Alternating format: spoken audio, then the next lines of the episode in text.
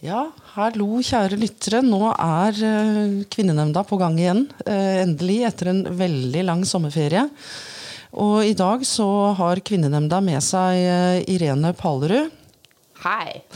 og så er det da meg som skal prøve å holde, holde i tømmene i dag. Det er Sølvi Vire. Og så er det jo da Margot og Marit. De kunne dessverre ikke komme i dag. Det er litt sykdom her og der, men det, det er ikke covid. Men man er noe syk, og da skal man jo holde seg hjemme. Så, og i dag så har vi tenkt at vi må jo ta opp igjen dette temaet metoo. Nå har det vært oppe i media igjen. Og jeg tror vel ikke vi er ferdig med det her, her heller, Irene. Det kommer vel opp igjen, eh, tror du ikke det? Det vil vel gjerne være en bølge som eh, vil rulle over eh, til stadighet. Og jeg tenker at den bølgen har jo vært å rulle over flere ganger. Hvis man tenker litt sånn tilbake i historien, så er vel ikke det her akkurat uh, noe nytt. Så, uh, ja, men Irene, dra oss litt gjennom uh, historikken til det man kan kalle metoo. Både start og mellomspill og hovedspill og, og alt det som kommer. Ja. Jeg må jo si at jeg satte meg ned og leste litt om det. For det her gikk jo helt tilbake til faktisk 97 som den første uh, metoo-bølgen traff. Selv om den gangen så var det jo ikke noen Det het jo ikke metoo. Men det begynte jo uh, selvfølgelig borti statene der. En uh, veldig ung, modig ung dame på 13 år som betrodde seg sin historie. Og hun var heldig og betrodde den historien til en svært sterk kvinne. Som kunne sette i gang en bølge. Hva gjør vi med disse unge kvinnene som opplever eh, så brutale ting så tidlig i livet, og som vil bære det med seg. Og da førte det til en stor bølge som nå kan på en måte relatere til nåtidens metoo. Og øh, den bølgen den valsa jo opp igjen i 2006, da noe av det samme skjedde. Der sterke unge kvinner var modige nok til å fortelle sin historie. Og bølgen rulla opp igjen. Men så lå det brakk ganske mange år, både det med likestilling og kvinnekamp. Også fordi at man tenkte at nei, nå er vi der vi skal være. Mm. Eh, og i samfunnet Nei, hva skal man Vi hadde jo den Hva skal man med 8. mars? Hva skal man med det? Nå er det jo likestilling. Nå er det, og det, det var veldig stille. Hvis man tenker tilbake, så var det ikke så veldig mye snakk før bomben slapp i 2017. Mm. Og da smalt det jo ganske kraftig med en dame borte i USA nok en gang som eh, også kikka tilbake på historien og skrev et innlegg på Twitter der man snakka om eh, trakassering. Og oppfordra til at kvinner som hadde opplevd trakassering på arbeidsplassen sin, i dagliglivet, i fritiden, at de også skrev metoo. Og den bølgen som kom av metoo med historier mm. der modige kvinner sto fram og fortalte. Eh, fra det verste man kan tenke seg, til det noen som ja, som man kanskje ja, skal jeg si kjenner til i dagliglivet. Mm. Noe som satte dette her på en ganske kraftig dagsorden. Som endra mye av eh, ja, mediebildet eh, sterke menn som man hadde sett i mediebildet, som plutselig ble angrepet fra mange kanter, der man hadde historier å fortelle. Mm. Og den historien der Man kan jo selvfølgelig dra metoo-bølgen enda lenger tilbake til tid hvis man ja. ser på kampen eh, brenne bh-er og alt mm. dette her, men akkurat den derre da handla det jo mer om den likestillingen. At mm. vi også har betalt for jobben vi gjør. Men mm. dette her var en likevel en litt ny greie, for det var et annet perspektiv.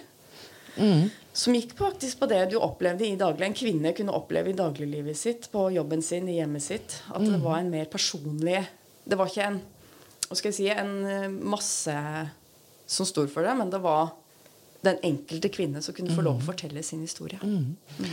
Og den enkelte kvinne blei jo på en måte da til en bevegelse allikevel. Ja, det gjorde det. For det gjorde jo andre sterke nok til å også kunne komme fram. Mm. Så jeg, jeg syns det at det at eh, ting kan starte med enkeltmenneskene, ja. men når enkeltmenneskene finner sammen ja. Eh, med sine historier, og sånne ting, så blir det jo en gedigen som du sa, en kjempebølge. Mm. eh, som, som liksom bare feier innover de ulike kontinentene. Det feide jo innover USA, det feide jo innover oss. Til og med her i, i gamle, sekørlige Norge, som vi liksom aldri hadde tenkt på det. Ja. Og jeg har liksom også lurt på dette her, at det, hvorfor kommer på en måte metoo? fordi at vi har jo, Det var som du også sa, at det var stille en periode, for vi mente jo at vi hadde en likestilling. Vi har jo hatt formell likestilling i lovverk og, og sånne ting nå ganske lenge. Ja. Og så kommer dette her, som da kanskje har eh, noe med at, eh, at det nå tar kvinner oppgjør med, med kultur. Med oppdragelse. Med å si at vet du hva, nå finner vi oss ikke i det lenger. Hold fingrene for deg sjøl. Slutt å tru med din makt. Eh, nå, nå er det nok. Eh, for meg da i hvert fall så står metoo som en sånn en sier at vet du hva, nå er det nok. Ja. Behandle oss med respekt. Eh, og ikke, ikke behandle oss som noen, noen leketøy for ditt eget velbegåttfinnende.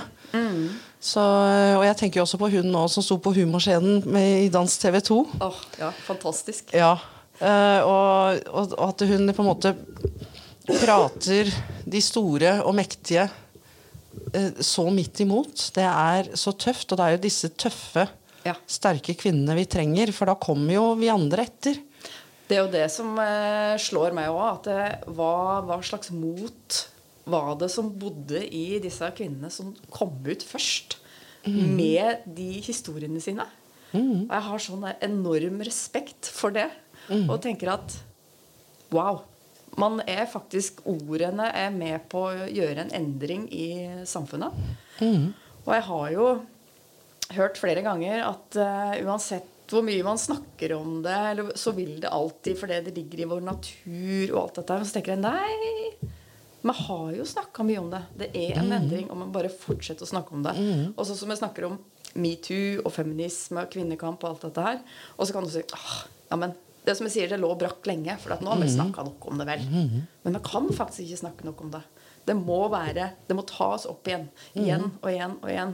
Fordi at eh, alle ting som snakkes om, det, det glir tilbake. Så blir det normal igjen. Og så, så jeg tenker at dette her må hele tiden Det må snakkes litt i hæl. Det må bevisstgjøres.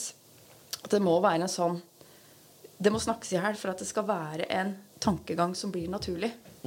Ja. Mhm. Ja, og, og så sier noen det at jo, men dette her det ligger jo i vår natur, og, og dette her er litt på en måte sånn vi er biologisk skapt i forhold til at man skal forplante seg til å spille og sånne ting. Og så noen ganger så tenker jeg at det, det er så kjekt å gi skylda på det. For jeg tenker at det, hvis man skal begynne å trekke inn Darwin og, og evolusjon, Ja. så tenker jeg jo det at det, endringer starter jo et sted. Og at man eh, eventuelt kan begynne å endre de generasjonene som kommer. Det er jo det vi også først og fremst må gjøre her. Det er jo å endre mm. generasjonene, de som kommer etter oss sin tankegang i forhold til kjønn. Ja, og jeg tenker at eh, med mennesker Man kan si at det ligger i vår natur, men det som skiller oss fra den naturen, det er jo at vi faktisk kan tenke og stille spørsmål. Vi kan stille oss spørsmål til hva er riktig, hva er galt. Hva bør jeg tenke, hva bør jeg mene? Og derfor kan man ikke si at dette her er en biologisk Eller at det ligger bare i vår natur, og at det er biologisk. Fordi at vi kan faktisk stille spørsmål. Vi kan ha en mening. Vi har et, eh, en struktur som kan gi oss en, eh, en stemme som uh, forteller at uh, Hei, dette er ikke greit. Og da kan man faktisk endre på det. Ja, og så tenker jeg også det å på en måte legge kanskje ansvaret litt over på på, på der hvor ansvaret skal ligge. eh, I forhold til at eh, som ofte så er det jo på en måte kvinnene som på en måte må passe seg. Det er kvinnene som skal se opp, fordi at man vet ikke hva en mann vil finne på. Eh, og, og jeg liksom tenker at det, nå må jo det snart snu, fordi at det, det kan da ikke være kvinnens skyld at, at en mann har lyst til å klaske henne på rumpa. Nei, det, det er litt sånn som jeg har også sittet og tenkt på. Jeg tenker tilbake på når man var ungdom. Og så husker jeg det var en sånn bølge Eller sånn veldig sånn at eh, vi jenter måtte lære å forsvare oss sjøl. Vi skulle gå på sånn selvforsvarskurs, og det husker jeg var på et eller annet eh, tidspunkt, om det var videregående eller hva det var, der vi blei liksom angrepet i ulike retninger. At, eh, hvordan skal du sperre den, og hvordan skal du Ja. sperre den? Og hvis den kommer bakfra der, eller tar det rundt halsen, eller hvordan skal du gjøre det? Og jeg husker den dag i dag, som den selvutnevnte feministen er, at kan vi ikke heller lære de gutta at det er ikke greit, da? De får ikke lov å gjøre det her. Nei. Men vi lærte hele tiden Oi, du burde ikke ha så kort skjørt. Du burde Ja. ha den toppen. Oi, nå har du for mye sminke på. Noen kan tro noe annet om deg. Oi, det var alltid vi som måtte passe oss, for ellers så kom noen og tok deg.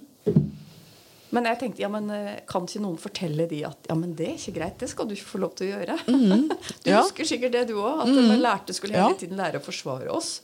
Eh, Og jeg liksom tenker eh, Hva er det da som gjør på en måte at Dette her med seksuell trakassering, dette her med, med ufin oppførsel, du blir strøket på rumpa eller klaska litt, eller på armen og kommer med noen sånne hentydninger og, og, og sånne ting, så er du kjip hvis du sier nei, på en måte.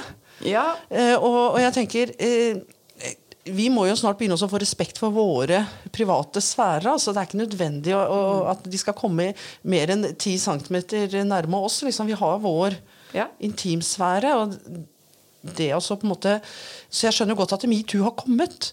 Men eh, må vi snart eh, kanskje endre metoo?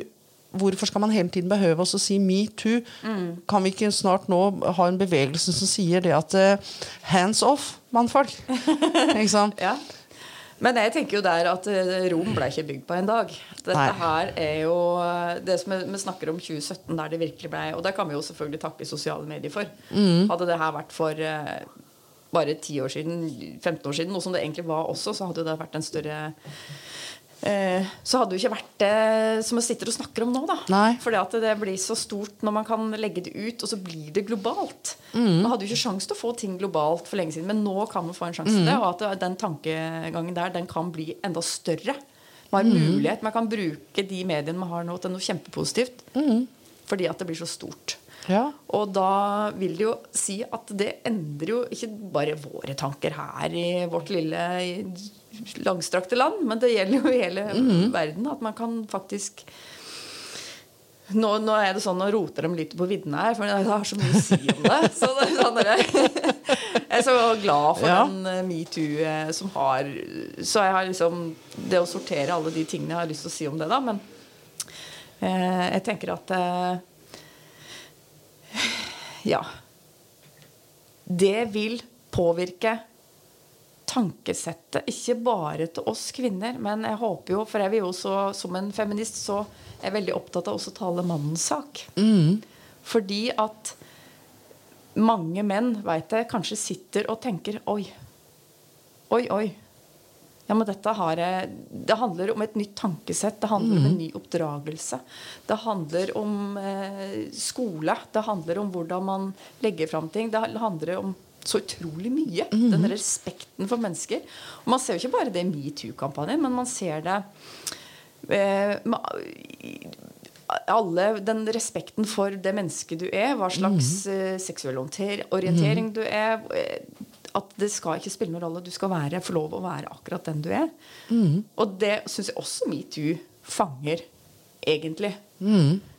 Det høres kanskje litt ut på viddene ut, men det er litt sånn Og det er mulig jeg ror meg litt vekk her, men du får hanke meg inn, Selvi. Jo, men eh, jeg, eh, jeg tenker jo også sånn det at eh, Jeg syns jo ofte det at metoo i Norge da, det har jo dreid seg om politiske partier. Det har dreid seg om eh, arbeidstaker, arbeidsgiver mm. De store organisasjonene. Det har liksom ikke vært så mye i, i forhold til arbeid. Det har vel vært noe i eh, i skuespillmiljø og sånne ting også her i Norge, men det har liksom vært veldig lite.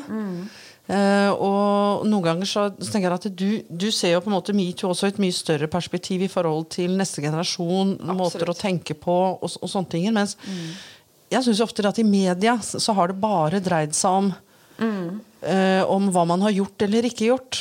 Eh, man har på en måte ikke I hvert fall ikke de store mediedekningene. så har det på en måte blitt det har blitt enkeltpersoner. Man har på en måte personifisert det istedenfor å tenke at dette her er noe som er i hele samfunnet. At det er menn som misbruker sin maktposisjon. Eh, som, eh, som drar nytte av at, eh, at man har noe mer man skulle ha sagt i en organisasjon, i arbeidslivet eh, og, og sånne ting. Men det hører vi på en måte ikke noe om. Vi jobber jo begge to i jeg holdt på å si offentlig sektor. Eh, og man hører jo aldri om det i det hele tatt. Og tenker jeg eh, Er det underkommunisert, eller er det sånn det at i offentlig sektor Nei, der skjer det aldri noe sånt. Nei, det skjer aldri. Nei, nei, nei. nei. Helt fri for eh, Ja, sånt. ja. Ja, ja, selvfølgelig. så, så jeg liksom tenker at det- Jeg syns noen ganger at det, det, er, det er kjempebra med mediedekning, Mm. men uh, noen ganger litt mer edruelighet også. Ja, eh, med på det du sier, for mediedekningen de vil jo selge nyhetene sine. Mm. Og da selger man eh, det som eh, folk har lyst til å lese, og det er jo gjerne om de kjente personene. Mm. Og vi vet jo alle hvem vi begynner å vinkle oss inn Ja, her. ikke sant? Ja. Sakte, men sikkert. Sakte, men sikkert vinkler vi oss inn. Ja. Så, men uh, la oss dra den litt tilbake, da, hvis vi Ja. tenker på den offentlige sektor. Eller dra den enda lenger tilbake, som jeg sier med oppdragelse. Men snakker om de menn, som du sier nå, som kanskje utnytter sin posisjon, som har gjort ting som er skikkelig ugreit. Men uh, hvor har de det ifra, tenker jeg da. Og jeg jobber jo med barn og unge hver dag og tenker mye på det her. Og tenker hvordan disse her eh, flotte, flotte ungene våre skal Hvordan skal de møte verden? Hvordan skal guttene våre møte verden? Hvordan skal jentene våre møte verden? Og da tenker jeg at eh, kanskje det bunner litt i det. da Hvordan, ble, hvordan var deres verden før Hva var det som gjorde til at de syntes det var ok å gjøre? Der har du meg. Ja. Fordi jeg er i den jobben jeg har. Og vil gjerne oppdra barn og unge til å ikke bli den typen. Ja. Og jeg tenker jo det at eh, vi som oppdrar sønner, Ja. vi har jo et, eh, et, et ganske spesielt, eller i hvert fall et stort ansvar der i forhold til eh, hva slags tanker og holdninger Absolutt. Eh, og, og noen ganger når jeg ser kommentarfeltet Ja. i, på Facebook, så tenker jeg det at det, Ok, det hvor, hvor mange av disse som kommer med kommentaren der, har barn? Og hvor mye har de hørt av sånne holdninger? Så da, da, da blir jeg litt motløs også. Eh, Jeg må innrømme det. Når jeg liksom Men ser menn som pusher 50-60 og Ja. Men eh, er det ingen som har fortalt det at du må aldri lese kommentarfeltene, for da går verden i grus? Jo da, jeg, jeg, jeg begynner, men så ser jeg jo tegninga, så da, da, bare slutter jeg. For Ja. jeg tenker at ok, mm. det er liksom andre kommentaren, så er det fullstendig spora. Så det er gjerne det. ja. Men jeg har valgt å tro at det er bare en sånn liten gruppe mennesker jeg, som Ja. sitter på alle kommentarfelt. Og det har jeg jo lyst til å tro. Da Ja, tror vi det. Irene. Sånn at vi du, tror at det, okay, det er Da bestemmer oss for det. Mm, bestemmer oss for det. En liten sånn Ja. mm. som bare er innom alle sammen, som har det som et sånn yrke for å lage litt splid. Ja, noe må de ha å gjøre. Ja, de må jo det. Så da har de valgt seg det. Ja, men da har vi en sannhet på det. Ja, Ja. Da har vi vedtatt sannhet. Topp. Yes, da er vi enige om det. Men vi kan jo ikke prate om metoo uten å prate om Giske. Eh, og vi har jo også prata om han før. Uh, og jeg tenker at det er jo veldig mange som har varsla og sagt ifra om dette her. Ja. Uh, både før og også noen nå. Eh, og jeg syns jo det at de som har varsla, de skal tas på største alvor. Men noen ganger så syns jeg også det at eh, media blir veldig ensidig i fokuset. Fordi at eh, det fins Alle de andre partiene har sine. eh, har sine som har gjort ting som er like ille, og kanskje verre også. Som på en måte ikke får den mediedekningen. Men Giske har liksom vært kronprinsen i, i Arbeiderpartiet, som har vært, eh, og er jo i hvert fall noenlunde fremdeles eh, landets største parti. Hvis vi ser bort fra siste meningsmåling, mener jeg. ja, ja. Kommer an på hvem man spør. Ja. Eh, Så, så hva syns du om det? Du som mener at metoo er viktig. Vi skal ha metoo, vi skal ta varslingene på alvor. Mm. Hva, hva, hvilke refleksjoner har du gjort deg rundt eh, Giske? Både medias håndtering og kanskje partiets håndtering og andres håndtering av det? Nei, det kan du jo si. Ehm, jeg har jo fulgt den saken eh, veldig nøye. Og jeg må jo si det at jeg er litt sånn delt i hva jeg tenker, for jeg syns Giske er en utrolig dyktig politiker. Og man har en politiker som virkelig kan gjøre en god jobb i den politikken vi trenger. Og eh, så kommer den her eh, svarte spøkelset bak, som står og henger over. Som avisene veit at de historiene her, de selger. Og så blir det det som på en måte blir det kjempestore oppslaget. Og da tenker jeg liksom Hvis Hva skal til for at han skal få lov å drive politikken sin? Den politikken som han driver og gjør på en bra måte. Hvordan skal han få lov å komme tilbake? Det har jeg liksom fundert. Og så tenker jeg også, hvis jeg setter meg inn i de jentenes situasjon, som faktisk har vært så modige, og turt å stå fram og fortelle at det han har gjort, er ikke greit. Og det her er jo på en måte dratt langt tilbake, mange år tilbake, og det kommer stadig noe nytt. Hva skal til for at han skal få lov å komme tilbake i politikken og få lov å gjøre jobben sin? For det er jo faktisk jobb han gjør. Det er jo ikke det er ikke bare en person, det er ikke bare en kjendis. Det, det er faktisk en ganske viktig jobb. Og som han gjør på en bra hva, hva skal til? Jeg tenker hvis Hva skal til for å tilgi overgriperen din? Hva skal til for å på en måte Hva burde han ha gjort? Det tenker jeg. Ja.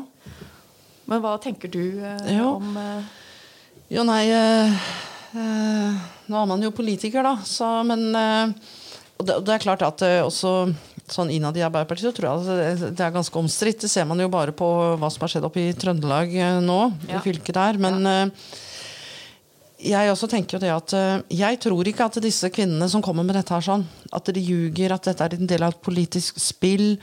eh, At eh, dette her er for å få, få sine fem minutter i, i, i media. Det jeg syns er synd i utgangspunktet, det er det at og, og det har det jo på en måte vært med alle partiene, ikke bare Arbeiderpartiet og or store organisasjoner. Det er jo det at de faktisk må gå til media først for å bli tatt tak i.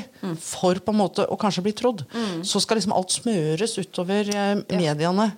Og jeg håper jo virkelig at alle eh, partiorganisasjoner og sånne ting har tatt lærdom av dette her.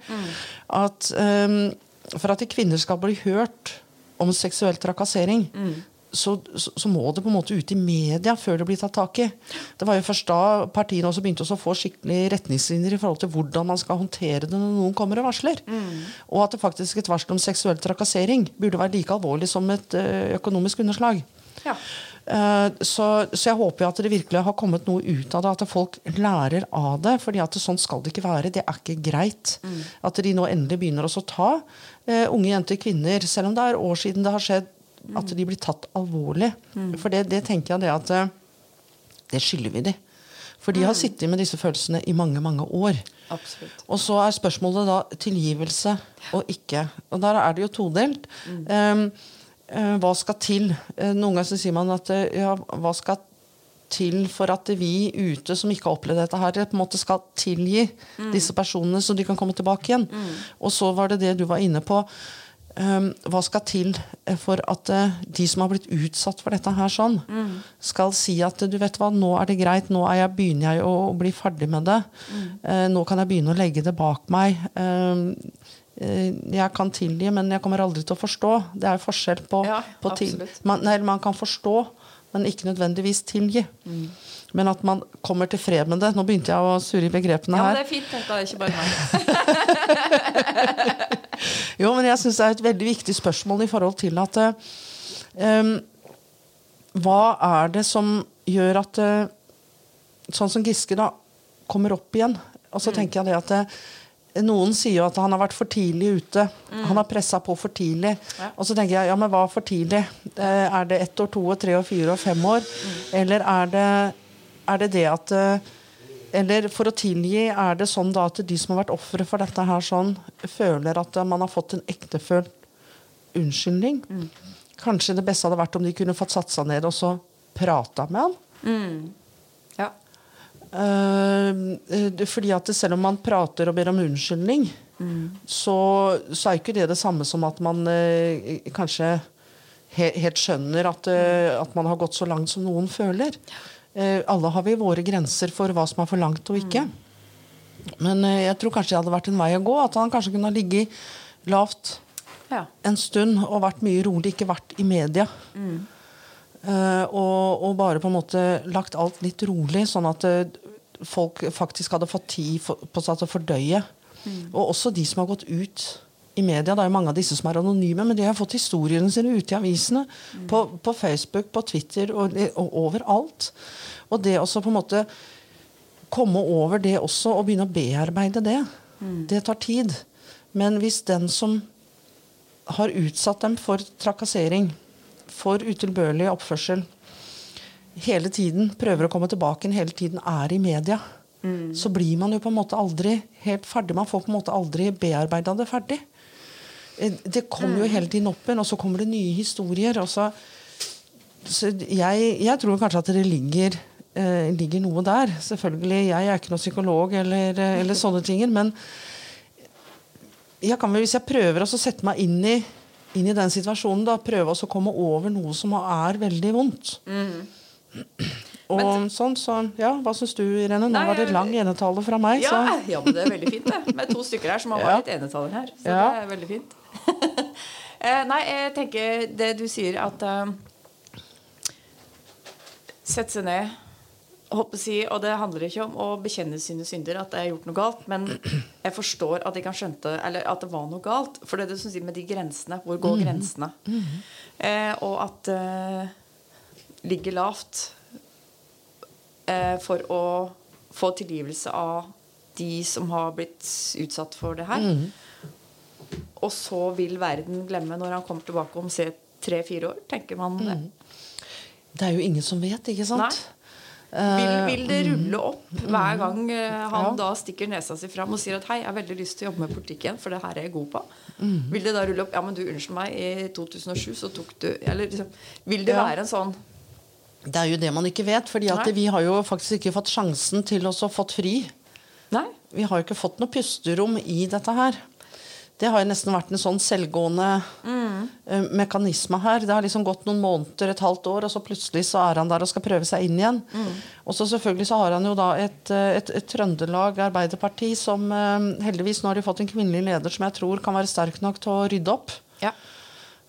Som, som på en måte ikke e- engang har kanskje hatt lyst til å, å akseptere at det faktisk er ganske mange eh, mange kvinner og jenter som, som har vært utsatt for det Giske har gjort, men også det kulturen som er, eller har vært, i Trøndelag.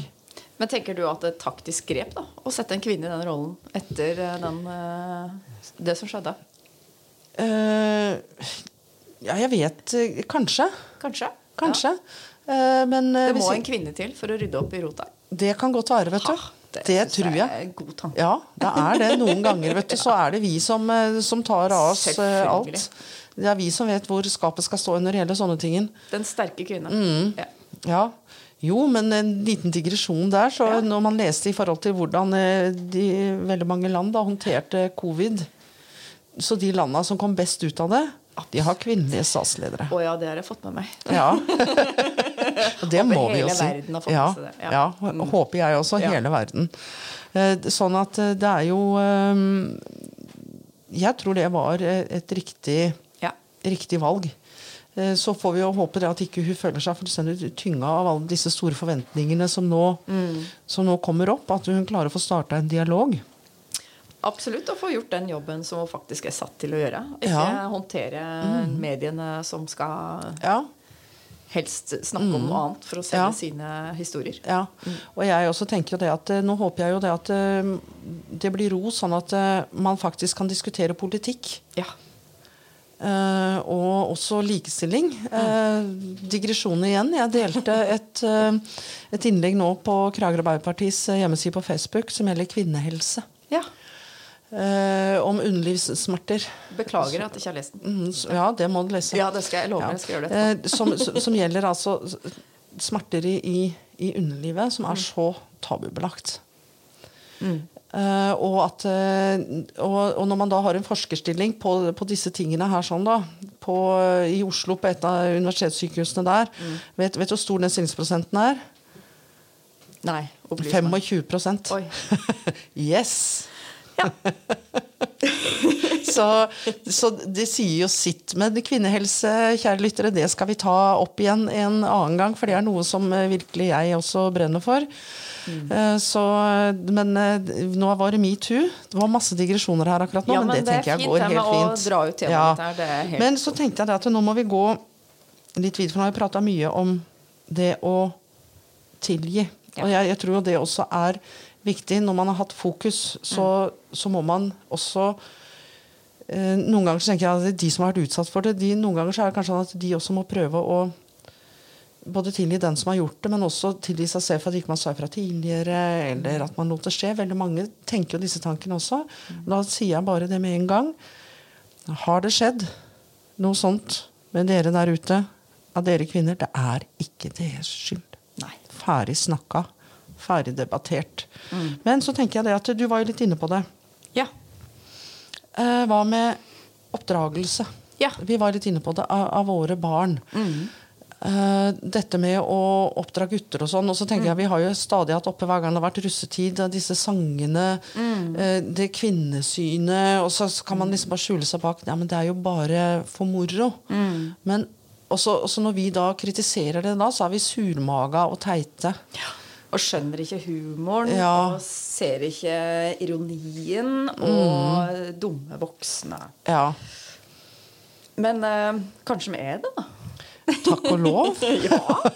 Jeg er veldig er glad for å være, Ja, litt dum voksen. Ja, Kjip voksen. Ja, litt kjip og litt sånn eh, besserwisser på ja. ja. men dette er ikke greit. Mm. Og så det som skjer, da, at de vil jo bli der, de også. Mm. Men uh, du har jo lest uh, ganske sånn grove historier på hva disse russebussene mm. og alt det her, de sangene som blir skrevet mm. til de hvem som får lov å være med å rulle, og hvorfor de får lov å være med å rulle. Mm. Å rulle det er litt sånn nytt begrep for oss, Sølvi? Er det ikke det? Jo. Det, det var Hjulene fra... på bussen går rundt og rundt. Ja, da. Sånn. og så er det hva som er inni den bussen, som er litt sånn Ja. Jeg gestikulerer veldig. Det syns mm. ikke så veldig godt på den her. Nei, det gjør ikke det, men jeg kan jo fortelle det at det er store armbevegelser her. Så. Store tegninger av hva jeg mener. ja. Veldig bra. det. Jeg liker det. Da, da får jeg det visuelt òg. Ja, ikke sant? Du skjønner helt sikkert hva jeg mener. Ja. Ja, nei da. Jo, så. men jeg, også, jeg har vært inne på det noen ganger før. Og noen kan vel si hva har dette med metoo å gjøre? Men metoo er jo en protestbevegelse. Mm. Og vi håper jo hele tiden at metoo skal føre til en endring. Mm. Og for å føre til en endring så må vi jo ta med de holdningene som blir spredd gjennom metoo, ja. ned til våre barn. Mm. Uh, uh, selvfølgelig til alle vi kjenner rundt oss, mm. men også til våre barn. Og det er våre barn som skal være framtida. Mm. Og, og, det er jo kjempeviktig. Mm. Og så tenker jeg da at I de nye læreplanene for eksempel, til skolen yes. Jeg har jo satt meg litt inn i det, jeg er veldig interessert i skole, selv om jeg ikke har jeg ja, nå yngste går på videregående, så jeg har liksom ikke barneskolebarn lenger. Mm. Men dette her med oppdragelse, det med identitet, eh, kjønn mm. Eh, fordi at det, når mine barn gikk i barnehage og sånne ting mm. Jeg skal ikke si mange år siden der, det er greit. Men så, så, er, så, har det bestandig vært sånn at jenter de har blitt liksom, Å, en liten prinsesse sitter stille og leker, ja. ser så søt. Ja. Og så en gutt Å, se, der hopper han så høyt. Ja. Er han ikke barsk og tøff? Ikke sant? Um. Og, og, og, dette her gjør vi jo mer eller mindre ubevisst. Mm. Til og med i dag så har vi jo sett overskrifter at det har vært prinsessedager i, i barnehagen. De har hatt spa. Ja. Fordi at jentene vil ha det. Og så tenker jeg at eh, Små barn vil de ha det fordi at, eh, fordi at mamma og mammas venninner og sånn går på spa, man prater mye om det. Mm. Eller eh, er det liksom Hvorfor gjør vi det enda? Og det er jo så ubevisst. Ja, det er det som er. At det er den ubevisste. Og det var litt sånn som jeg sa i stad, at Rom blir jo ikke bygd på en dag. For dette her har jo vært generasjoner generasjoner, generasjoner tilbake. Og så er det det at det, det som er fint, det er at nå skjer det noe. For mm. nå begynner vi å bli bevisste på det. Ja. Og jeg må ta meg sjøl i noen ganger Oi, oi, oi, nå gjorde jeg det igjen. Men jeg er jo bevisst på det, og i yrket mitt så er jeg bevisst på det at oi, ja, men nå må jeg på en måte rose jentene for faktisk det de utførte, ikke for hva de hadde på seg. ikke sant? Mm. Veldig bevisst på det. Ja. Og sammen med gutta òg. At jeg faktisk kan gi en gutt Oi, kul genser du har i dag. Mm. Ikke bare den jenta som kom med den fine blusa. Så det, det er sånn der, eh, jeg tenker sånn endring der. Og så kan jeg ta et uh, lite eksempel. For noen år siden, nå har jeg jobba mange, mange år i skoleverket. Og så så jeg en video på Facebook. Så så mange år siden, i 2007 begynte Facebook å virkelig rulle. Men uh, så så jeg et innslag der uh, det var intervju med unge mennesker. Jenter og gutter. Der de spurte kan du løpe som en jente. Der eh, noen, eh, du vet, sånn femihender og løp ikke sant, sånn og bortover. Å, guri. Oh, Og så tenkte jeg oi, dette var spennende.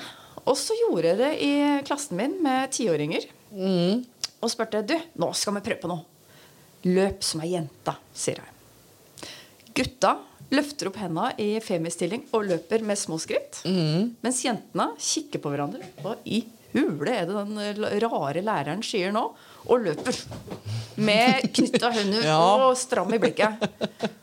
Og da jeg kunne ta opp temaet bare Gutter, hvorfor gjorde ikke han det? Ja. Og de, ja, men har dere, har dere sett ei jente løpe sånn? Nei. Hvorfor gjorde ikke han det? Og så hadde man diskusjon i gang, og det var så utrolig fin diskusjon. Nei, det ble en sånn kjemperefleksjon. Nei, guri, ja, men er det ikke sånn vi har sett på TV? Hvor har vi det fra? Og de hadde en sånn, det var, ble en utrolig flott diskusjon med disse her nydelige tiåringene, som er så veldig reflekterte, bare man setter et lite fokus. Hvorfor? Hva var det som skjedde nå? Se på jentene. Hvordan var det de løp? Oi, ja. Oi sann. Da har man blitt opplært. Og det er jo ikke eh, Nå er ikke jeg sånn veldig bekjent på fotballbanen. da Er det sånn at eh, nå skal vi snakke om noe vi egentlig ikke har greie på? Nei da. ja. Det kan vi gjøre nå. Om, ja. Yes.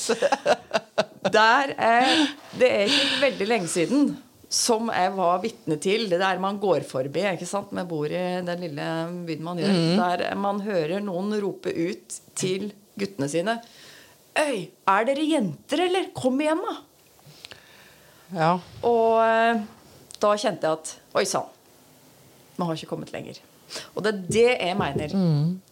At holdningsendringen Og man kan snakke mye om skole, man kan snakke om mye om det, men hvem er egentlig forbildene? Det er jo de som står oss nærmest, og det er foreldrene. ja. At man begynner der. Men vi oppdrar jo en ny foreldregenerasjon. Så vi må bare begynne der. Så sier man jo også det at det skal vel en landsby til for å oppdra barn også. Definitivt. Sånn at det er jo Man kan jo påvirke på, på mange områder. Og grunnen til at jeg på en måte drar det ned hit nå, da, det er fordi at med, til barneoppdragelse og sånne ting, metoo og ned dit, er jo fordi at det, nå har vi hatt metoo. De vi vet om sånn i store trekk, det er 1997, 2006, og så kommer 2017. Og så hadde det jo vært litt rolig, og så plutselig nå så kommer det jo litt opp igjen. Vi hadde jo hun da i i Dansk TV 2 på scenen. Ja. Fabelaktig. Talte de sterke mennene i kringkasting og radio midt imot. Eh, og, eh, og, og så tenker jeg det at det, ok, kanskje blir det rolig igjen, da. Og så har vi det gående gjennom tre-fire år. Eh, Eller så er dette noe noe som er kontinuerlig. Og jeg tenker det at det det er så bra at dere har fokus på det. Men vi, vi må jo kunne bruke det til noe. Og der er det jo barna våre som er liksom de fremste vi kan på en måte begynne å så, og så lære de holdninger.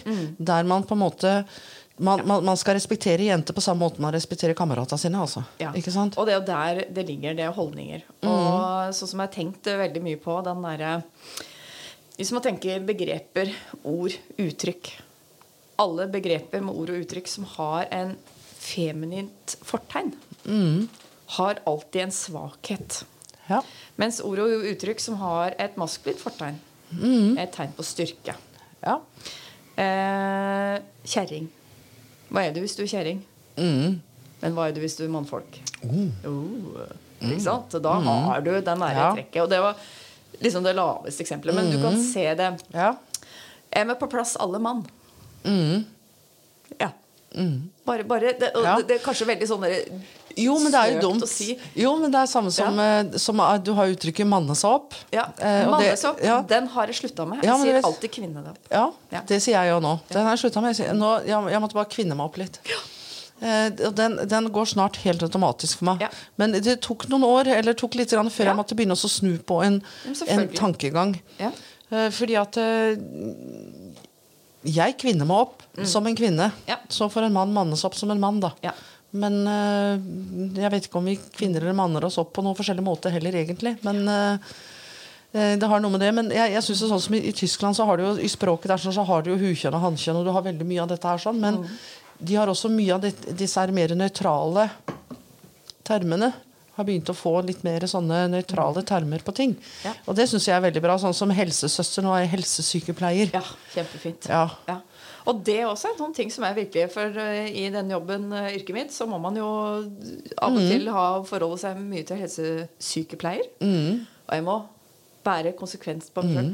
Kall det helsesykepleier, ikke helsesøster. Eh, eller skal jeg si helsebror. Det kan være Ja. hva, liksom, Hvis man sier helsebror, så er det Ja. noe som Øy! Lette på øyelokka bare Hva sa du nå? Er Ja. det virkelig en mann? Ja.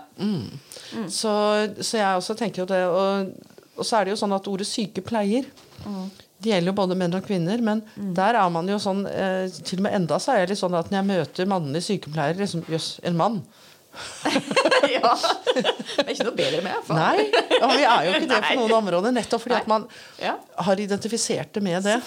Så, så jeg tenker det at eh, annen, eh, et eller annet program også så må vi ha om ord og ordets makt, og hvordan ord faktisk på en måte um, definerer oss.